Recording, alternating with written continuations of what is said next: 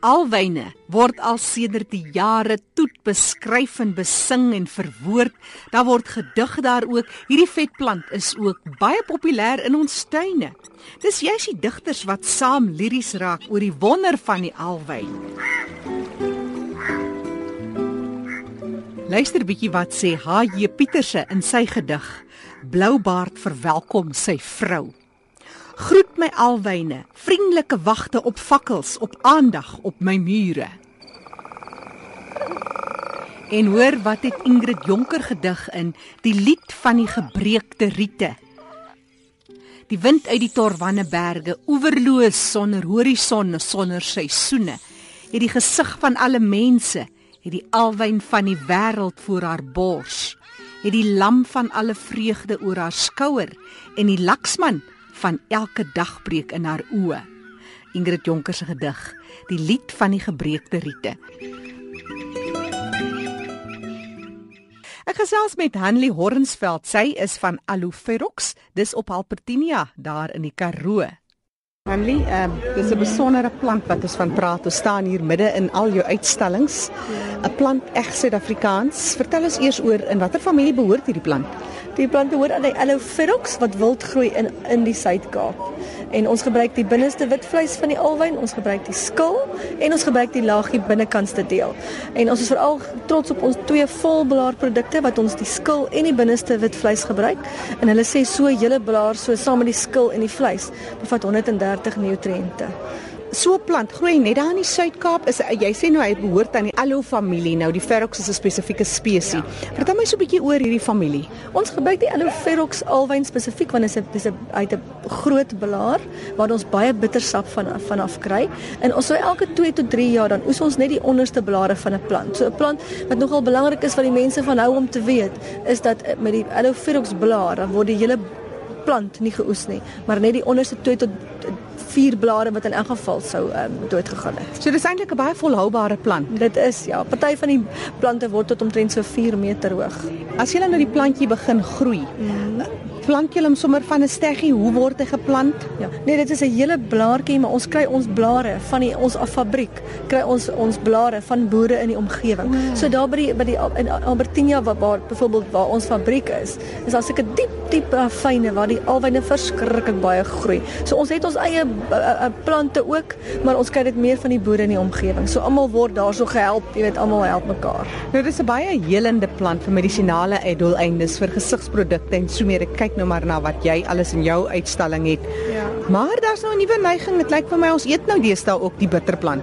Ja, nee, natuurlik. En dit is natuurlik een van ons drie beste verkopers is die Fabulous Fiber Bitter. En dit is die ene wat spesifiek die laagie bitter van die alwyn vat. Dis net 'n dun laagie wat die bitter is en dit is antibakteries, antivirus, antifungus. Die laagie bitter is nou die sterker ene en dit sit mense byvoorbeeld in wat vir ontgiftiging in hartlywigheid is. Hy is die een wat die wat die wat die wat die skoonmaak gedeelte en die ontgifting natuurlik is. Vertel my sommer net nog so oor die interessanthede. Hier's nou is 'n pragtige plakkaat waar hy geoes word. Is dit baie uh, arbeidsintensief hierdie hele produksie van so 'n plant? Ja, nee, so 'n blaar word dan nou geoes en dan word hy nou en dan word dit uh, soos in in die ou dae gat in die grond gemaak en dit word uitgelê met plastiek, dan word al daai blare wat afgesny is, word so om die om die gat gepak en die alwy die bittersap loop self uit.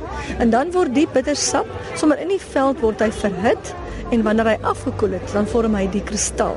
En die kristal gebruik ons dan nou vir ons produkte, byvoorbeeld vir probleemval, die, die produkte wat die bitter invat. En dan gebruik ons ook die binneste wit vleis en dis natuurlik ons helende gels soos vir brandwonde en skrape en snye en muskietbyte en so helend is vir mm. verseer voete en moe seerspiere ook. En uh, dis nou reg Suid-Afrikaans.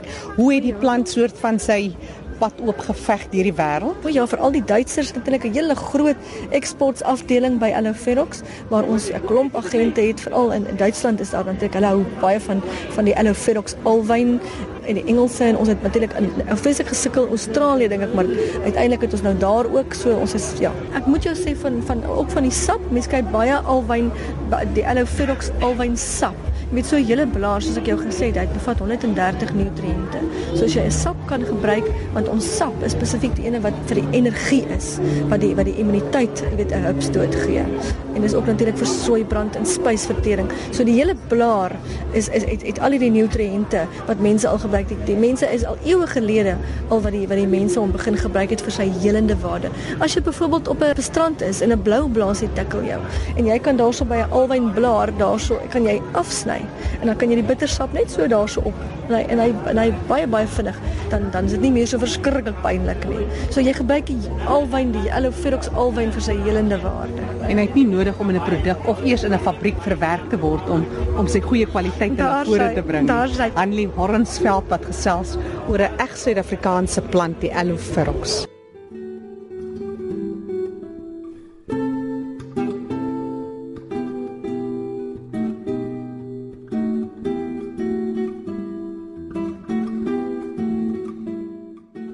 Ek het vroeër voorgeles uit my groot verseboek 2000 saamgestel deur Andre P Brink oor digters wat die alwyne besing. Maar hoor bietjie wat maak C Louis Leipold en Eyskriege as hulle praat oor die rooi alwyn. C Louis Leipold se gedig Die beste. Ek haal aan. Alwyn rooi op die voorste randjie, rooi soos bloed teen die rotse grou. En uit Eyskriege se plaashek haal ek aan bloedrooi die alwyn langs die slingerpad. Dis of daar vonke uit elke vuurpyl spat. Daar is sowat 130 inheemse alwynsoorte, verdeel in 10 groepe wat byna oral in die land sal gedei. Die meeste alwyne blom gedurende die winter en die vroeë lente, maar daar is variëteite wat in die somer blom. Dis juist die rankalwyn. Sewe soorte van die rankalwyne word gegroepeer en word erken aan die stam wat geneig is om oor die grond te kruip. 'n Voorbeeld hiervan is die Saldanha alwyn en die soort vetplant gee die droë somermaande kleur aan groot gedeeltes van die Kaapland. Daar is stamlose alwyne ook. By die kleiner soort alwyne is die stam glad nie teenwoordig nie en so plant het rosetblare wat baie naby aan die grond groei. Daar's ook 'n dwergalwyn. Nou die alwynsoort dra gewoonlik meer as een baie klein roset. Ons het vroeër gehoor van die Kaapse alwyn of die bitteralwyn Aloeferox wat tot 4 meter eintlik 5 meter hoog word en hoofsaaklik in die Wes en in die Oos-Kaap en KwaZulu-Natal voorkom. Blomtyd van hierdie alwyn is Mei tot Augustus maand en hierdie plant soos ons gehoor het word spesifiek vir medisinale doeleindes gekweek. Daar is nie minder nie as 24 soorte wat geklassifiseer word as grasalwyne. Dis 'n lang plant met dun vetagtige blare.